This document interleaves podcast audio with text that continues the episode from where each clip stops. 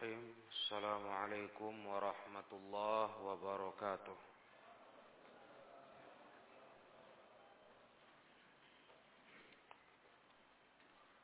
Innal hamdalillah wa nasta'inuhu wa nastaghfiruh. Wa na'udzu min shururi anfusina wa min sayyiati a'malina. من يهده الله فلا مضل له ومن يضلل فلا هادي له أشهد أن لا إله إلا الله وحده لا شريك له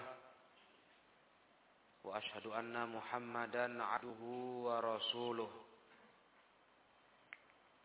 يا أيها الذين آمنوا اتقوا الله حق تقاته ولا تموتن إلا وأنتم مسلمون يا أيها الناس اتقوا ربكم الذي خلقكم من نفس واحدة وخلق منها زوجها وبث منهما رجالا كثيرا ونساء واتقوا الله الذي تساءلون به والأرحام إن الله كان عليكم رقيبا يا أيها الذين آمنوا اتقوا الله وقولوا قولا سديدا. يصلح لكم أعمالكم ويغفر لكم ذنوبكم. ومن يطع الله ورسوله فقد فاز فوزا عظيما. فإن أصدق الحديث كتاب الله وخير الهدى هدى رسول الله صلى الله عليه وسلم. وشر الأمور محدثاتها فإن كل محدثة بدعة وكل بدعة ضلالة وكل ضلالة في النار أما بعد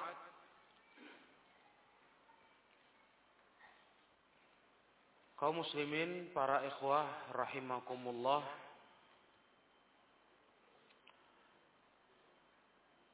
melanjutkan pelajaran tafsir surah Yunus. Kita akan masuk ke ayat 68 sampai ayat 70.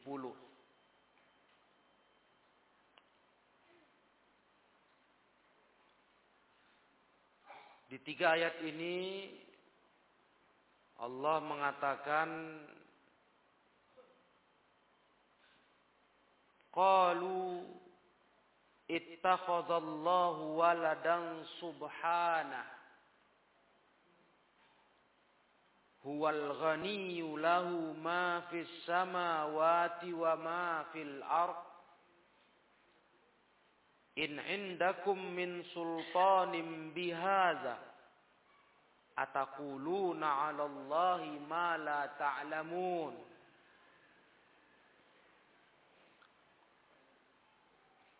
Mereka berkata Allah Ta'ala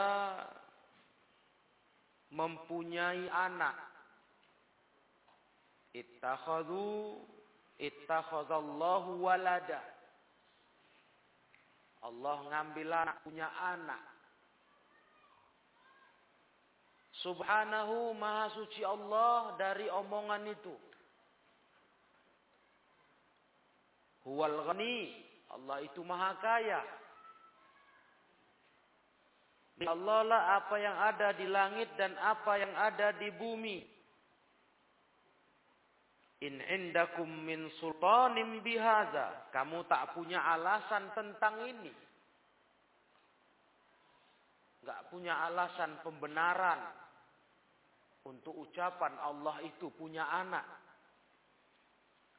Apakah kalian akan berkata tentang Allah yang kalian tidak mengetahuinya? Tidak berilmu tentangnya.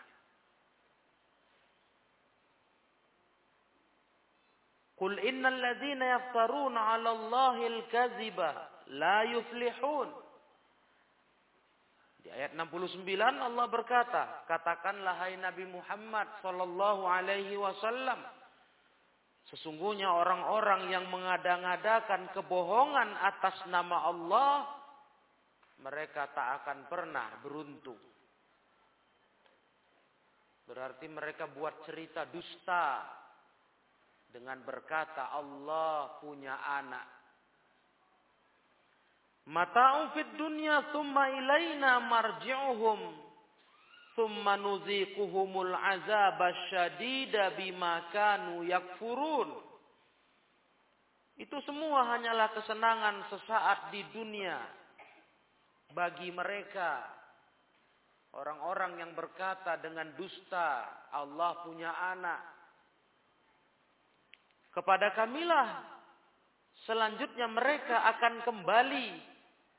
Kemudian kami akan menimpakan kepada mereka azab yang keras azab yang berat. Itulah balasan atas apa yang telah mereka kafir tentangnya Para ikhwah rahimakumullah. Di ayat-ayat ini Allah menyebutkan di antara dosanya ahlul kitab Yahudi dan Nasrani. Ketika mereka berkata Allah punya anak. Kata Nasrani, Isa ibnullah.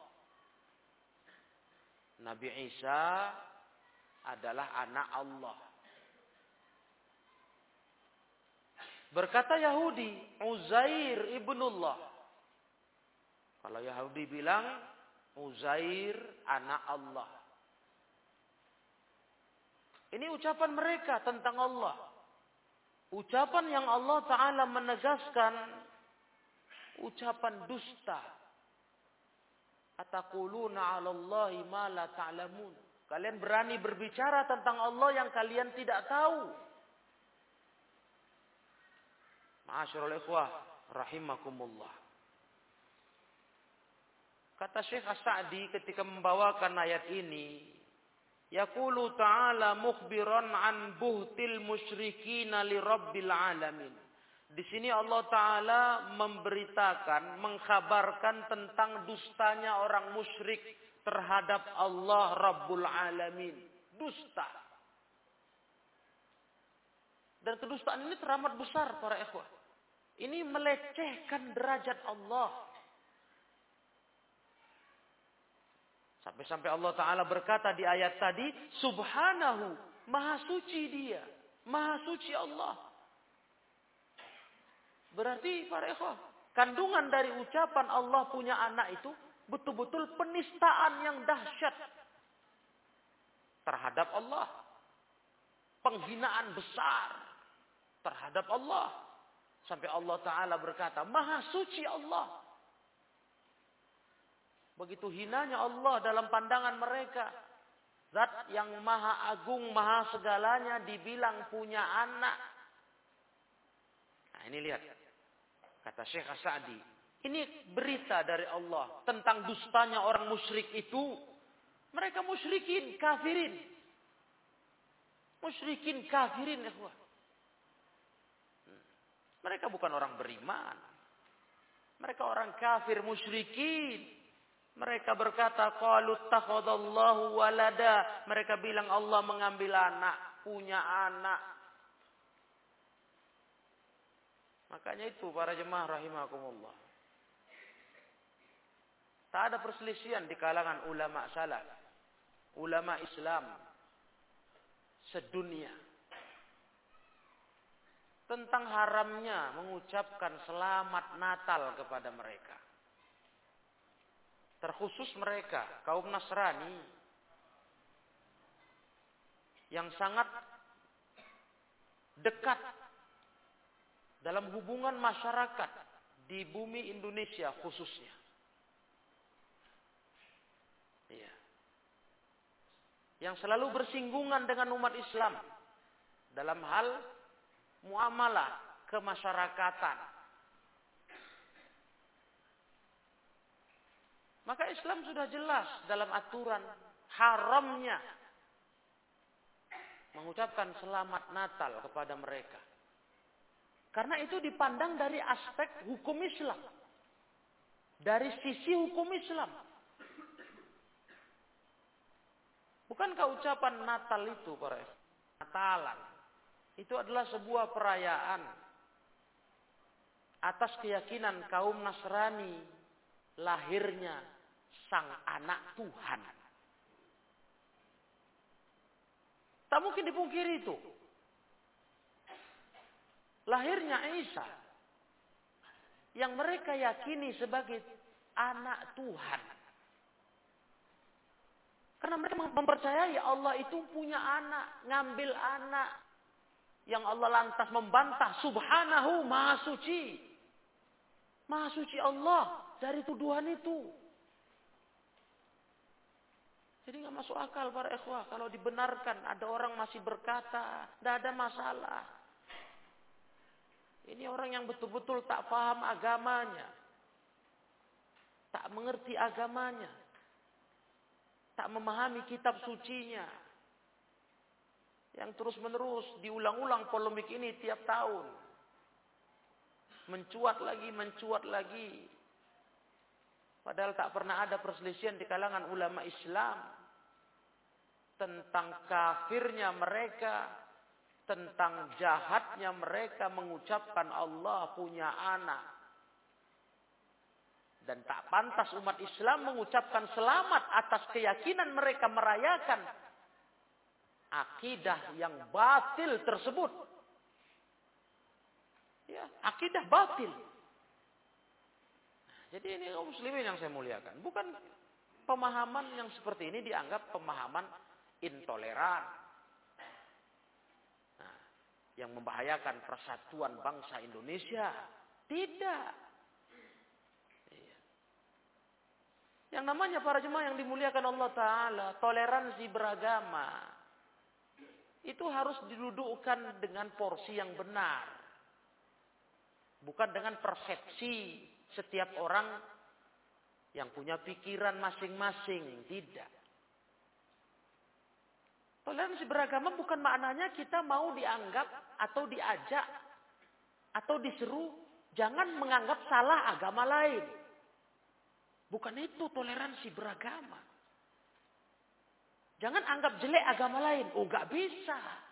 Itu kewajaran tiap agama begitu. Memandang agama di luar mereka jelek. Iya. Makanya aneh kenapa umat Islam selalu yang dipojokkan. Ketika umat Islam menyerukan batilnya agama lain. Secara khusus agama yang mengatakan Allah punya anak. Yahudi, Nasrani. Kenapa dipojokkan, dipersalahkan keyakinan ini? Karena bagi semua agama ya, semua agama-agama di luar mereka batil, buruk, jelek. Tiba Islam menyerukan itu, dianggap Islam itu ajaran yang tidak toleransi, intoleran. Nah, inilah para jemaah rahimakumullah pembodohan kepada umat Islam. Ditakut-takuti umat Islam dengan anti kebinekaan. Anti kebinekaan. Sedangkan kita bangsa Indonesia ini beragam macam agama. Toleransi beragama itu bukan maknanya mengakui agama lain benar. Itu nggak mungkin para ikhwah. Bagaimana sebagaimana agama lain pun nggak mungkin kita paksa mengaku Islam ini benar. Nggak mungkin itu. Hei orang-orang yang gak paham agama. Coba serukan, coba ajak agama lain nganggap Islam benar. Gak pernah berhasil itu. Itu masalah prinsip akidah masing-masing. Maka ketika Islam menyatakan agama lain batil, kafir penganutnya, wajar. Karena agama lain pun memandang kita begitu. Yang gak ikut kami, tak seagama, tak seyakinan dengan kami, kafir. Orang-orang yang celaka, orang-orang yang binasa, sampai ikut agama kami. Ya begitulah semua agama ya kan. Jadi sudah jahat betul ini. Konspirasi-konspirasi yang mereka lakukan untuk terus memojokkan Islam. Iya. Memburuk-burukkan Islam. hanya menampakkan terus kebodohan mereka kebodohan, kedunguan mereka. Sehingga umat Islam harus sabar. Ya. Sabar dengan segala macam tudingan-tudingan. Fitnah yang ditujukan kepada umat Islam ini. Nah, karena mereka itu sesungguhnya orang-orang yang memang ingin merusak agama. Menunggangi kalimat-kalimat persatuan dan kebinekaan kalimat-kalimat persatuan dan kebinekaan di Indonesia untuk merusak Islam dari hati-hati penganutnya, pengikutnya, umatnya. Sehingga kaum muslimin dibuat takut untuk berkata agamanya lah yang paling benar, agama lainnya batil, agama lainnya agama yang kafir, dibuat takut. Dengan ancaman itu anti toleransi beragama. Toleransi beragama para ikhwan yang mulia diajarkan Rasulullah sallallahu alaihi wasallam. Bukan mau diajak kita mengakui agama lain benar. Agama lain juga baik. Enggak itu. Tapi kita hargai, kita hormati hak-hak mereka yang menganut agamanya. Enggak kita ganggu. Itu dia. Itulah toleransi. Bagi mereka agama mereka, bagi kita agama kita. Kita enggak ada campur urusan mereka. Bagi kita agama kita prinsip kita. Bagi mereka agama mereka. Kita ada dilarang mengganggu agama lain. Ya. Kita tak pernah disuruh memerangi agama lain kecuali mereka memerangi kita. Itu Islam yang benar. Jangan dipelintir-pelintir lagi dengan kebodohan-kebodohan yang terus ditampakkan hari ini di tengah masyarakat.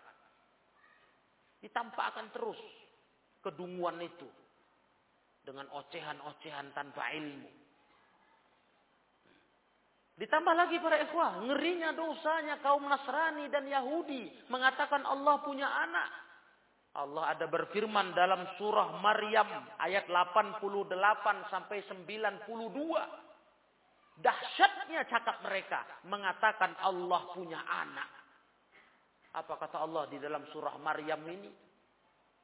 Allah berfirman, "Wa qalu rahman walada." Mereka berkata, Allah Ar-Rahman mengambil anak, punya anak. Nih, ayat 88-nya. Surah Maryam. Kata Allah Ta'ala, laqad ji'tum syai'an idda. Sungguh kalian telah mendatangkan satu perkara yang mungkar. Mungkar itu, ucapan kalian bilang Allah punya anak. Laqad ji'tum syai'an idda. Seberapa besar kemungkarannya? Ringankah? Ketika orang Nasrani, Yahudi bilang Allah punya anak, sehingga kita merasa tak tersinggung sebagai umat Islam yang meyakini Allah Esa. Tak ada anak, tidak beranak, tidak diperanakkan. Kita tak tersinggung? Mungkin kemungkarannya sekedar kemungkaran kecil. Ma'asyarul akhwah. Seberapa besar kemungkarannya? Lihat Allah berfirman di ayat 80, ayat 90, 90-nya takadus samawatu yatafattarna minhu wa tanshaqqul ardu wa takhirrul jibalu hadda. Sebesar ini kemungkarannya bisa umat Islam mau diajak. Jangan jelekkan, jangan salahkan mereka, hormati keyakinan mereka. Hah. Otak tuh di mana ya kan? Otak mereka tuh di mana? Enggak tahu kita sudah. Lihatlah besarnya kemungkarannya kata Allah Ta'ala. Hampir-hampir langit pecah, bumi terbelah, gunung runtuh. Dengan ucapan mereka itu. Efeknya sampai begitu. Lihat dahsyatnya Allah ceritakan. Besarnya kemungkaran cakap itu. Bilang Allah punya anak. Itu pula kita dibilang, nggak apa-apa, selamat Natal. Maka saya bilang tadi otaknya ke mana? Kita nggak belok-belok ini, kalau lurus-lurus saja. Hebat kali toleransinya. Toleransi apa? Kau jual iman tuh namanya. Jual iman ya Kita ucapkan selamat. Kalian yakin Tuhan beranak gitu. Ada apa umat Islam ini? Terus dibela-bela terus itu. Tidak apa-apa, malah bangga-bangga, nampil-nampil pula lagi. Nah, dengan bangga sumringah mengucapkan kepada saudaraku kaum Nasrani, selamat Natal katanya. Astagfirullah. Ya Allah rusak kali lama-lama bangsa ini. Ini masalah besar kali. Perhatikan kata Allah Ta'ala di ayat 90. Hampir langit itu terbelah. Hampir-hampir bumi terbelah. Langit runtuh, pecah. Dan gunung-gunung runtuh. Habis semua. Sampai kayak gitu. Bayangkan kalau sesuatu yang dilakukan itu bisa bikin langit pecah. Bayangkan itu. Hampir pecah kata Allah. Takadus samawatu. Ya tafatar. Hampir pecah langit dengan cakap Allah punya anak. gimana lagi ngerinya itu? Kemungkaran sebesar apa lagi sampai kayak gitu kali ya? Bisa bikin langit hampir pecah, bumi hampir terbelah. Aduh, hampir bumi terbelah. Gunung runtuh sekokoh itu. Dahsyatnya dosa mereka bilang Allah punya anak. Bagaimana umat Islam gak tersinggung? Mestinya sangat tersinggung kali ini. Ya. Tersinggung dalam batasan keyakinan ya kan itu. Akidah loh. Bukan tersinggung mengajak kepada tindakan anarkisme. Itu yang pandai kali mereka. Dikait-kaitkannya nanti kalau kita nggak toleransi. Umat Islam ini payah ini nanti. Nanti akan terdidik jadi orang-orang yang ekstremis yang bertindak anarkis, mengganggu ketentraman minoritas. Pandai kali. Udahlah Allah aja balas mereka. Allah kan tidak tidur. Allah tidak lalai dari cakap-cakap kotor mereka tentang agama ini. Kelewatan sudah. Gagah berani kali ngomong macam-macam tentang agama ini dan umat Islam. Hah? Kita cukup sabar, serahkan kepada Allah. Biar Allah yang menangani mereka-mereka yang buat makar terhadap agama ini. Karena ini agama punya Allah. Punya Allah Ta'ala. Milik Allah ini. Allah yang akan mengurusnya. Allah akan membelanya. Allah akan menghancurkan yang coba menghancurkannya. Nah. Anda aulir rahmani walada. Itu karena mereka mengatakan Allah punya anak. Sampai bumi, langit, gunung tadi kayak begitu. Hampir-hampir. Sudah hampir hancur binasa lah. Kiamat hampir. Bahasa ringkasnya. Hampir kiamat. Kan kiamat begitu. Nah, langit pecah. Bumi terbelah. Gunung runtuh. Hampir kiamat. Ketika mereka mengatakan Allah punya anak. Wa ma yanbaghi lirrahmani ayyattakhidza walada. Di ayat 92 Allah tegaskan, tak pantaslah Allah mengambil anak. Allah punya punya anak, mana pantas?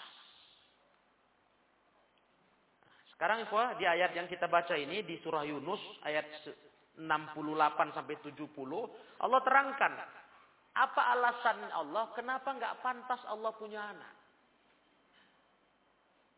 Ya, ada kajian ilmiahnya. Tidak pantasnya Allah punya anak. Kenapa ya Lihat. Allah terangkan posisi dirinya yang maha mulia. Allah berkata, Huwal ghani subhanahu ay tanazzaha amma yaqulu zalimuna fi nisbatin naqais ilaihi uluwan kabira. Sebelumnya Allah tadi katakan maha suci dia Maha suci Allah Ta'ala dari apa yang diucapkan orang-orang zalim dalam menisbatkan sifat kurang kepada Allah. Maha tinggi Allah setinggi-tingginya. Summa barhana ala zalika bi'iddati barohin. Nah, kemudian Allah terangkan dengan beberapa keterangan hujah. Kenapa Allah tak pantas dibilang punya anak. Allah berkata. Yang pertama ahaduha huwal ghani Allah itu maha kaya. Allah itu maha kaya. Ay al-ghani munhasirun fi wa anwa'ul ghina mustaghrikun fi. Sifat kaya itu pada Allah Ta'ala hanya ada padanya saja. Maha kaya itu yang lain nggak punya sifat itu. Itu hanya munhasir, terbatas pada diri Allah. Lihat. Allah itu maha kaya. Tanpa ada yang menandinginya. Sifat maha kayanya ini. Dan Allah Ta'ala, kekayaan itu, sifat itu hanya pada diri Allah adanya. Mustagrik. Asal katakan tenggelam. Istagroko. Artinya pada Allah saja itu adanya. Sifat kaya itu. Terbatas pada Allah Ta'ala. Allah itu maha kaya. Istilah maha kaya itu. Jemaah para ikhwah yang dirahmati Allah. Itu maknanya apa? Allah tak butuh selainnya. Namanya maha kaya. Berarti nggak butuh. nggak butuh siapa pun. Ya kan? Maha kaya, Makanya kita ini yang miskin, hamba. Karena kita nggak bisa lepas kebutuhan dari selain kita. Kita butuh terus kepada yang lain. Makanya kita ini miskin semua manusia. Tak ada yang kaya. Miskin. Karena butuh butuh yang lain. Iya. Butuh. Itu makanya manusia nggak pantas sombong diri dalam Islam. Kenapa? Yang disombongkan apa? Sedangkan kita aja sosok hamba yang serba butuh terus kepada yang lain. Di mana mau disombongkan? Kita butuh terus itu, nggak bisa nggak. Nah. Dan kita miskin. Kalau kita kaya, kita nggak butuh siapa pun. Nah Allah itulah dia yang maha kaya. Nggak butuh siapa pun juga.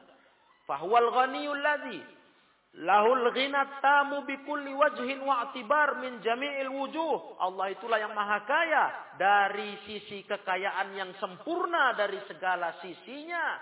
Segala sisinya Allah itu maha kaya. Dari segala sisi tanpa ada celah sedikit pun. Cacat sedikit pun. Allah maha kaya. Sempurna, kayanya itu sempurna.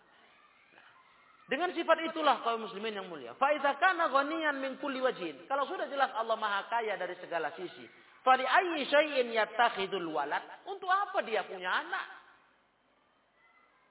Namanya Maha Kaya. Hah? Yang butuh anak, ikhwah, itu berarti dia sudah nggak Maha Kaya. Karena dia butuh selainnya. Itu tanda dia nggak Maha Kaya. Kalau dia butuh anak. Kalau Maha Kaya dia nggak butuh anak. Nggak butuh apa pun. Nggak butuh siapa pun.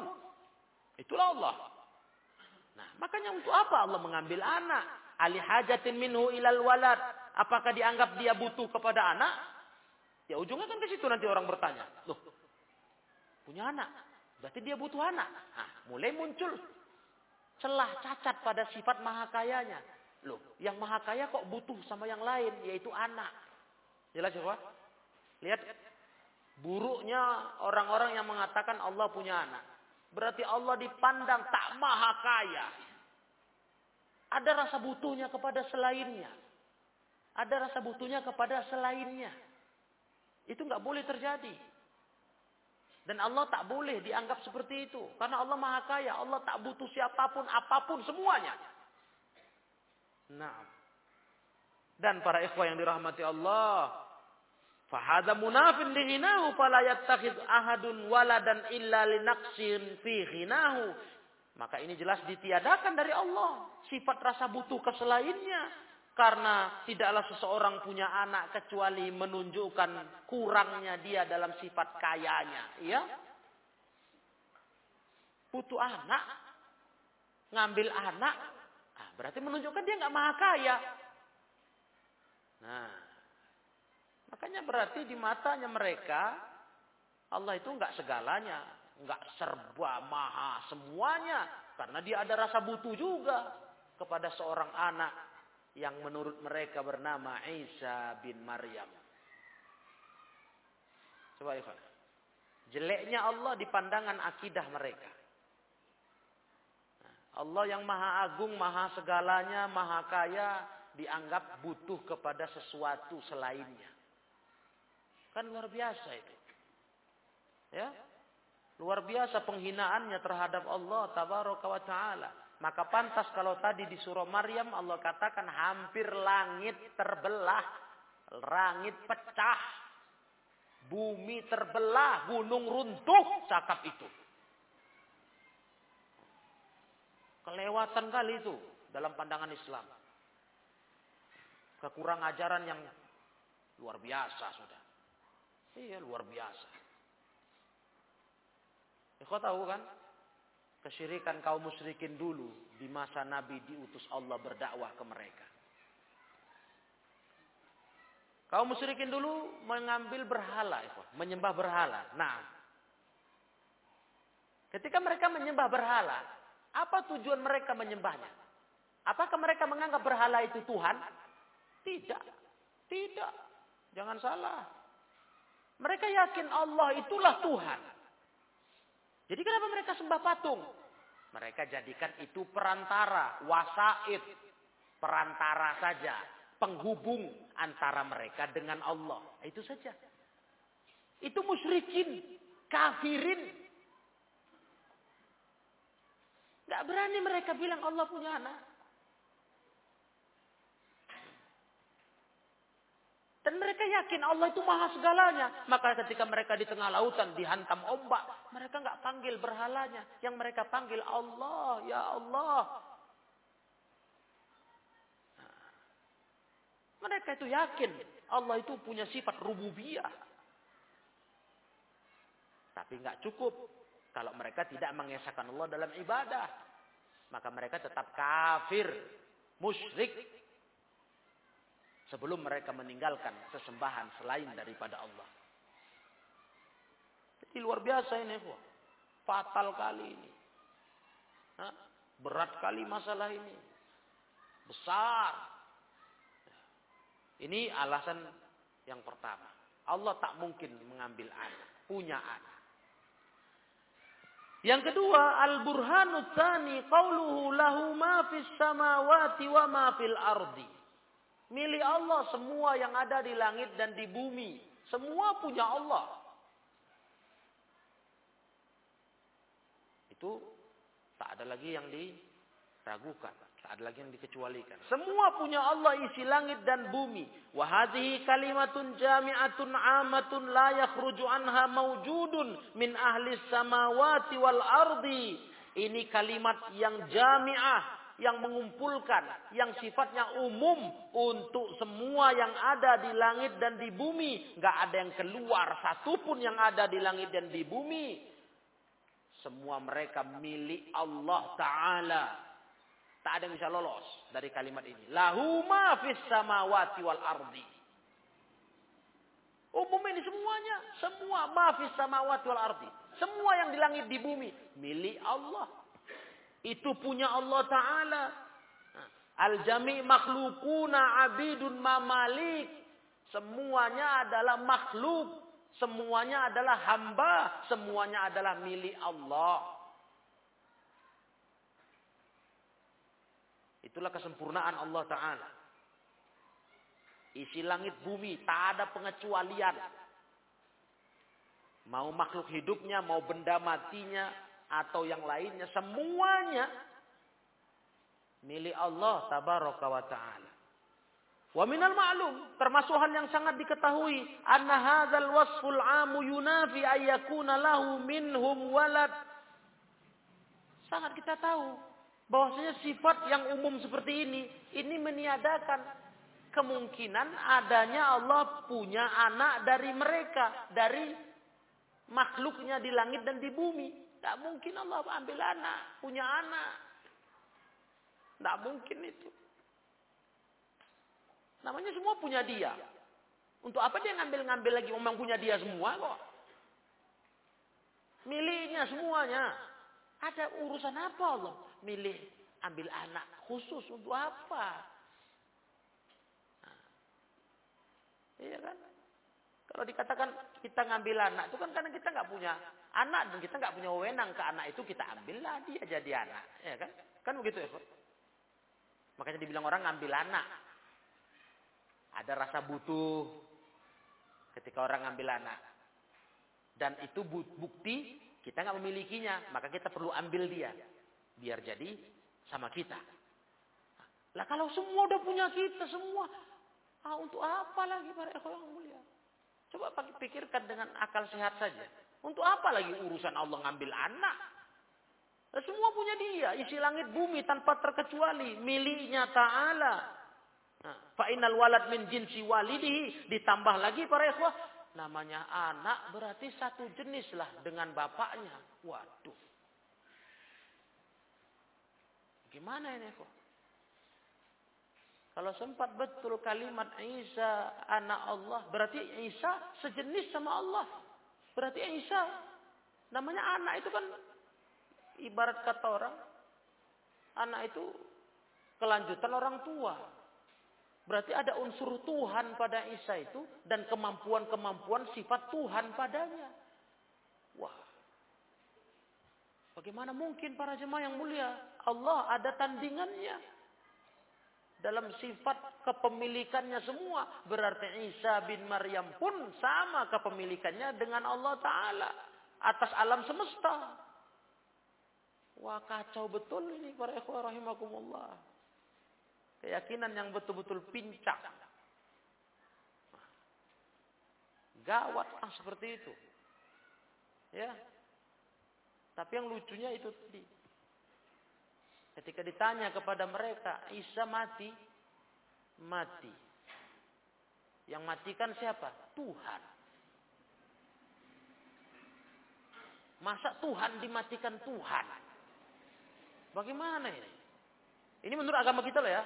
Gak usah orang Nasrani tersinggung. Yang keyakinan kami begitu. Lucu. Nah. Bagaimana itu? Tapi dia Tuhan, anak Tuhan. Tapi dia mati, yang matikan Tuhan.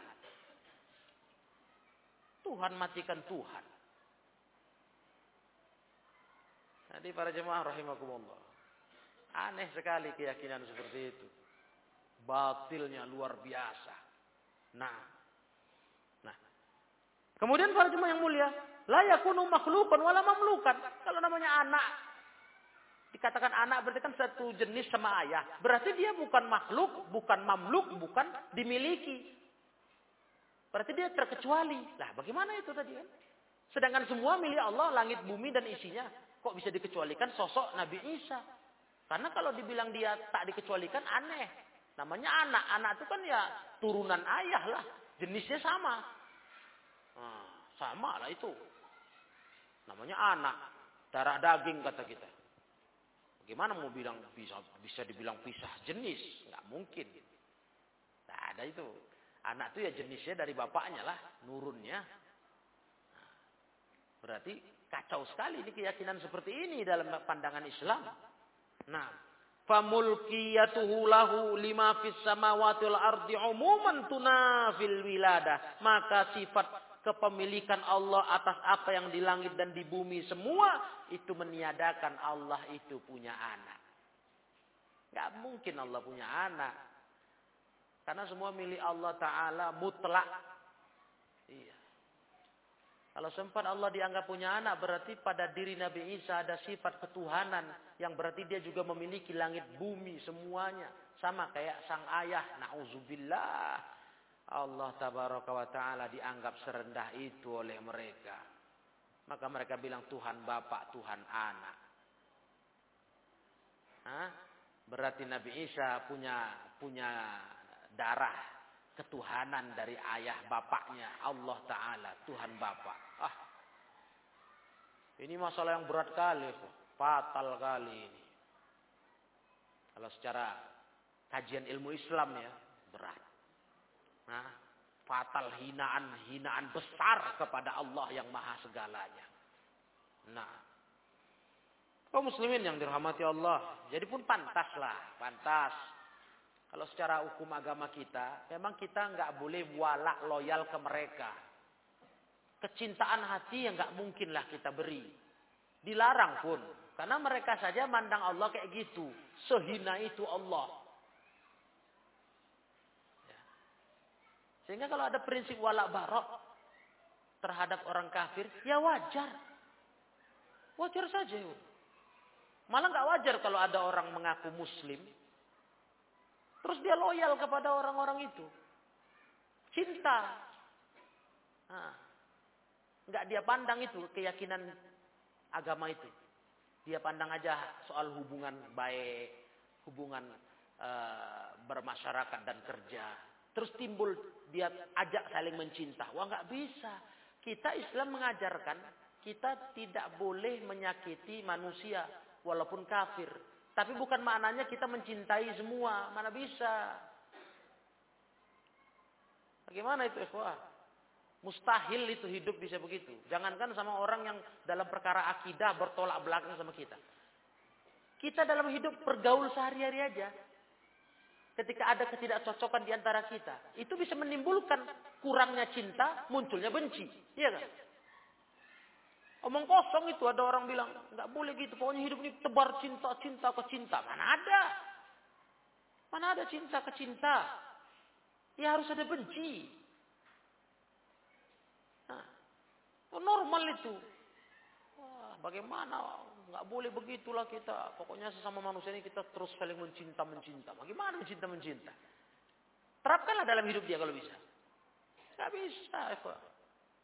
Memang cinta benci itu harus ada dalam hidup ini. Cinta atas dasar kebenaran, benci pun atas dasar kebenaran. Nah, itu bukan berarti sebuah ajaran yang mengajak manusia bertindak buruk kepada orang lain. Gak begitu. Rasulullah tengok. Yang mengajarkan kepada umat Islam ini kebencian kepada orang kafir. Kepada Yahudi, Nasrani, musyrikin. Lihat. Dalam muamalah beliau dengan Yahudi di Madinah. Masya Allah. Aman. Yahudi itu aman dulunya. Tak diganggu Nabi. Tak diperangi Nabi. Tinggal tenang dengan berkebun kurma di pinggiran Madinah. Aman. Mereka barulah bermasalah. Nabi angkat senjata memerangi mereka ketika mereka berkhianat. Merusak perdamaian itu. Berencana mau menghancurkan Nabi dan sahabat, bergabung dengan koalisi musuh-musuh Islam dari luar. Ah, baru Rasul angkat senjata memerangi mereka. Iya. Itu teladan Rasul dalam menghadapi orang kafir. Ada rinciannya, sudah pernah kita kaji ya. Coba ikhwan ingat lagi, ulang kaji. Sudah pernah kita kaji jenis orang kafir dan ada yang tak diperangi, ada yang memang diperangi. Sesuai dengan mereka pun memerangi kita. Ada aturan, ada rincian yang detail dalam hal itu. Nah. Dan para yang mulia yang ketiga al-burhanus salis qauluhu.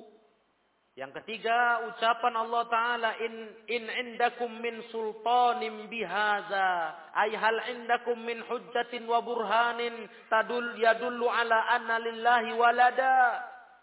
Alasan yang ketiga Allah tak mungkin dibilang punya anak. Yaitu Apakah kalian punya hujah, punya dalil untuk berkata Allah punya anak? Ada argumentasi? Ada argumentasinya rupanya. Ada bukti-bukti ilmiah. Nah, kalau Allah dianggap punya anak, ada bukti ilmiahnya. Ada hujahnya, burhan.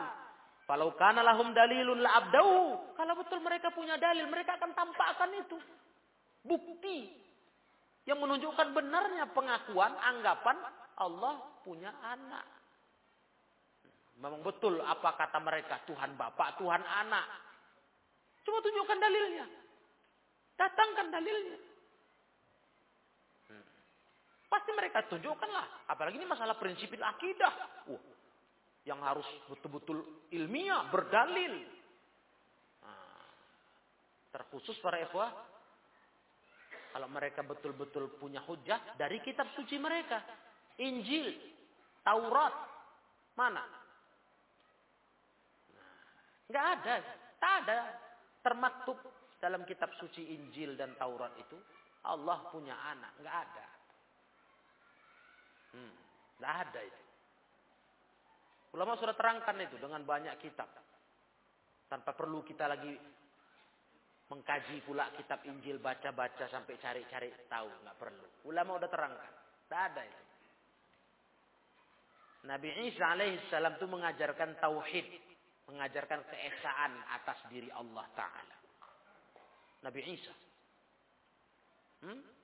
Maka tak akan pernah mungkin ada dalam kitab suci, Injil, Taurat yang membenarkan pemikiran seperti itu. Tidak ada. Iya. Karena Allah Ta'ala begitu berkata. Ada kalian punya dalil hujjah. Ada kalian punya bukti. Kata Allah. Kalau punya bukti tunjukkan. Falamma tahaddahum mu'ajjazahum an iqamatid dalil. Ulima butlanu ma Maka ketika Allah tantang mereka. Tahaddahum. Allah tantang mereka. Allah lemahkan mereka dari mampu menegakkan dalil. Allah anggap mereka lemah. Ajazahum. Allah anggap mereka lemah. Tak sanggup. Memang tak sanggup membuktikan dalil, maka diketahuilah batilnya apa yang mereka ucapkan itu batil. Batil. Iya. Itu keyakinan Islam loh, akidah. Nah, jadi nggak usah nggak usah panas, nggak usah berdalil dengan pelecehan agama, nggak ada. Nggak ada. Kita umat Islam saja pun ketika mereka menganggap Nabi Muhammad pendusta, pembohong, Quran itu bohong, kita nggak peduli, nggak kita ributkan mereka. Toh memang itu keyakinan agama mereka. Kewajaran lah itu ya. Kalau mereka mandang Quran kita ini bohong, Nabi Muhammad pembohong, wajar itu. Kalau mereka sempat yakin Quran ini benar, Nabi Muhammad benar, masuk Islam lah dia. Maka ketika umat Islam juga mengungkapkan keyakinannya seperti itu. Ya, jangan direcoin lah. Jangan diganggu-ganggu lah. Nah, kok terus diprotes, kok terus dipersalahkan, dibilang ini menista agama. Loh. Kalau cerita menista agama, nggak akan pernah habis cerita itu. Kurang menista apa lagi muncul mereka bilang Allah punya anak. Kurang nista apa lagi, Wah? Mungkin kita recoin mereka. Kita geruduk gerejanya. Tiap dia menyampaikan, Tuhan Bapak berkata, Tuhan anak bersabda. Kan nggak mungkin kan? Nggak pernah umat Islam buat gitu. Kalian hina ya Tuhan kami. Nggak ada. Ya urusan kalian lah itu agama kalian. Sebenarnya udah normal perjalanan itu di hidup bangsa ini. Ah, cuma ini tadi kuman-kuman ini nah, yang kurang ajar kali memang mungkin punya kesempatan cakap mereka dengan kedudukan-kedudukan yang dia punyai, jabatan. Jadi agak bebas dia ngoceh. Karena udah pan wajar aja tuh di agama kita ini. Mau orang ngomong apa di masjid, ya biar aja. Namanya di wilayah kaum muslimin. Akidah Islam. Mau ngomong di gereja, ya biar aja. Nggak ada itu bab menistakan agama lain. Ya itulah keyakinannya. Mereka punya keyakinan begitu, tak kita urus. Nah, kita yang tidak yakin dengan itu dan kita yang membela agama Allah, kita terangkan batilnya. Wajar. Kan berjalan terus kan? Udah berapa lama usia bangsa ini? Aman aja itu. Nggak ada masalah. Nah, cuma direcok-recokin tadi itu. Iya. Wallah alam tujuannya apa? Entah itu memang ini ujian bagi umat Islam Indonesia manusia-manusia yang tak punya ilmu ini bicara, wallahu a'lam. Yang pasti kita perlu tahu saja, perlu yakin, jangan goyah dalam keyakinan agama kita. Karena kita bicara dalam batasan agama kita, ilmu Islam kita, akidah kita, yang mana mustahil kita dipaksa untuk mengakui kebenaran agama lain. Wah, mana bisa? Sebagaimana agama lain pun tak akan pernah bisa dipaksa mengakui kebenaran Islam. Nah, mungkin ikhwah kita paksa orang Nasrani mengakui Allah itu Esa. Nggak mungkin kan? Nggak mungkin kita nuntut mereka. Kalian jangan pernah hina Allah ya bilang dia beranak. Nggak mungkin bisa mau mereka. Itulah agama kami katanya. Tuhan Allah itu, Tuhan Allah punya anak. Masa mau kita paksa? Mau kita apakan? Ya itu keyakinan agamanya. Ya silahkan. Jadi ketika di kita mengatakan yang bilang Tuhan punya anak, Allah beranak itu orang kafir, musyrik. Ya, itu hak kita. Itu akidah kita umat Islam. Berjalan aja itu sebenarnya. Nah, gak ada masalah itu. Cuma entah itu tadilah. Belakangan ini di masa-masa tahun-tahun kita ini dijadikan itu sebagai satu celah untuk memojokkan agama Islam. Menjelekkan Islam, menjelekkan umat Islam. Dianggap tak mengerti bertoleransi dan sampai dianggap tak pantas tinggal di bumi Indonesia ini. Astaghfirullahaladzim. Ah, kaum muslimin rahimakumullah. Allah Ta'ala berkata, wa anna zalika qaulun bila ilmin, wa lihadza qala ataquluna 'ala Allahi ma la ta'lamun. Berarti kalian bicara enggak pakai ilmu karena enggak ada bukti. Maka Allah tadi berkata, apa kalian akan berkata tentang Allah yang kalian tak berilmu? Fa inna hadza min a'zamil muharramat. Ini termasuk yang haram, perkara haram yang sangat besar. Bicara enggak pakai ilmu. Berarti fatal kali kesalahan kaum musyrikin. Nasrani, Yahudi itu. Mereka bicara nggak pakai ilmu. Karena nggak ada ilmunya. nggak ada dalilnya. Allah itu dikatakan punya anak. nggak ada itu. Karena Allah sudah tantang di ayat ini. Apakah kalian punya burhan, punya bukti, punya dalil? In indak in indakum min sultanim bihaza? Ada bukti kalian? Dan nggak ada ikhwan. Nggak ada. Bahkan ya, sebagaimana yang sudah pernah saya kajikan dalam tafsir surah Al-Baqarah, dikupas kayak mana pun itu. Teori Allah punya anak atau Allah itu trinitas. Tiga tapi satu, satu tapi tiga. Itu teori itu nggak sanggup bahkan oleh pakar Kristen sekalipun mengungkapnya yang bisa diterima akal sehat. Nggak sanggup. Tidak sanggup itu.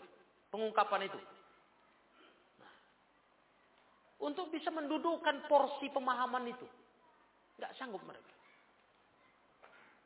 Capek mutar-mutar menjabarkannya.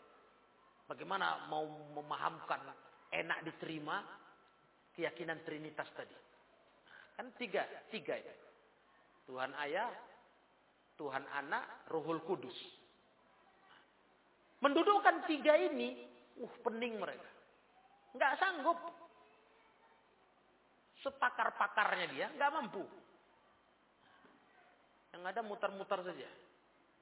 Karena nggak ada hujah tadi. Nggak ada burhan kata Allah, nggak ada sultan.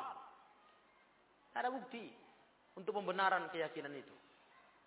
Nah, nah makanya para ekor yang dimuliakan Allah, Allah berfirman di ayat yang berikutnya, Kul innal ladzina yaftaruna 'ala Allahil kadziba la yuflihun. Katakan hai Nabi Muhammad.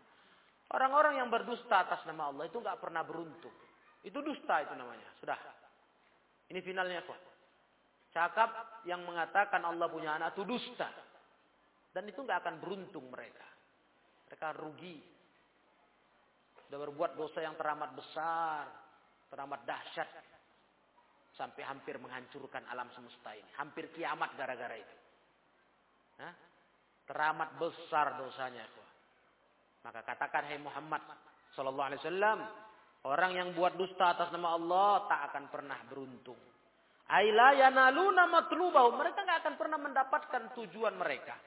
Wala yahsul lahum maksudahum, nggak akan mereka berhasil mendapatkan maksud mereka.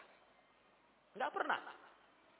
Wa inna ma yatamatta'una fi kufrihim wa kizbihim fid dunya qalila. Hanya saja mereka bersenang-senang dalam kekafiran dan kedustaan mereka di dunia ini sedikit.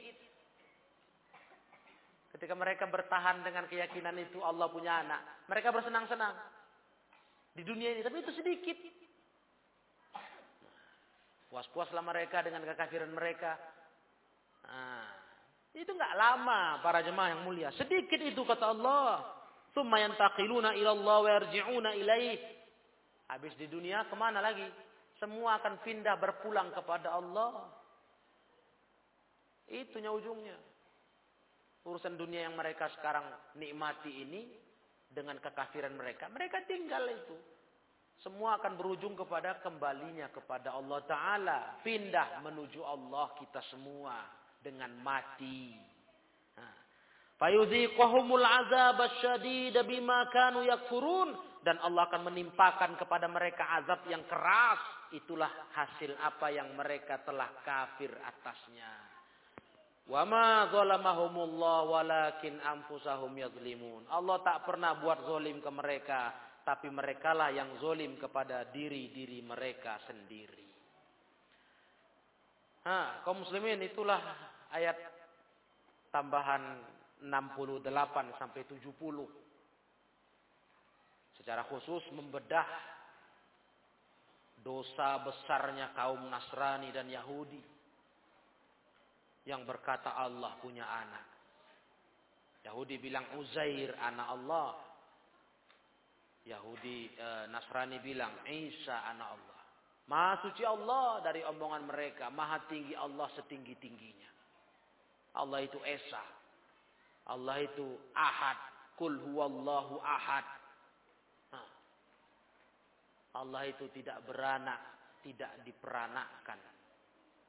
Nah, tidak melahirkan, tidak dilahirkan. Lam yalid wa lam yulad. Itu umat Islam punya keyakinan.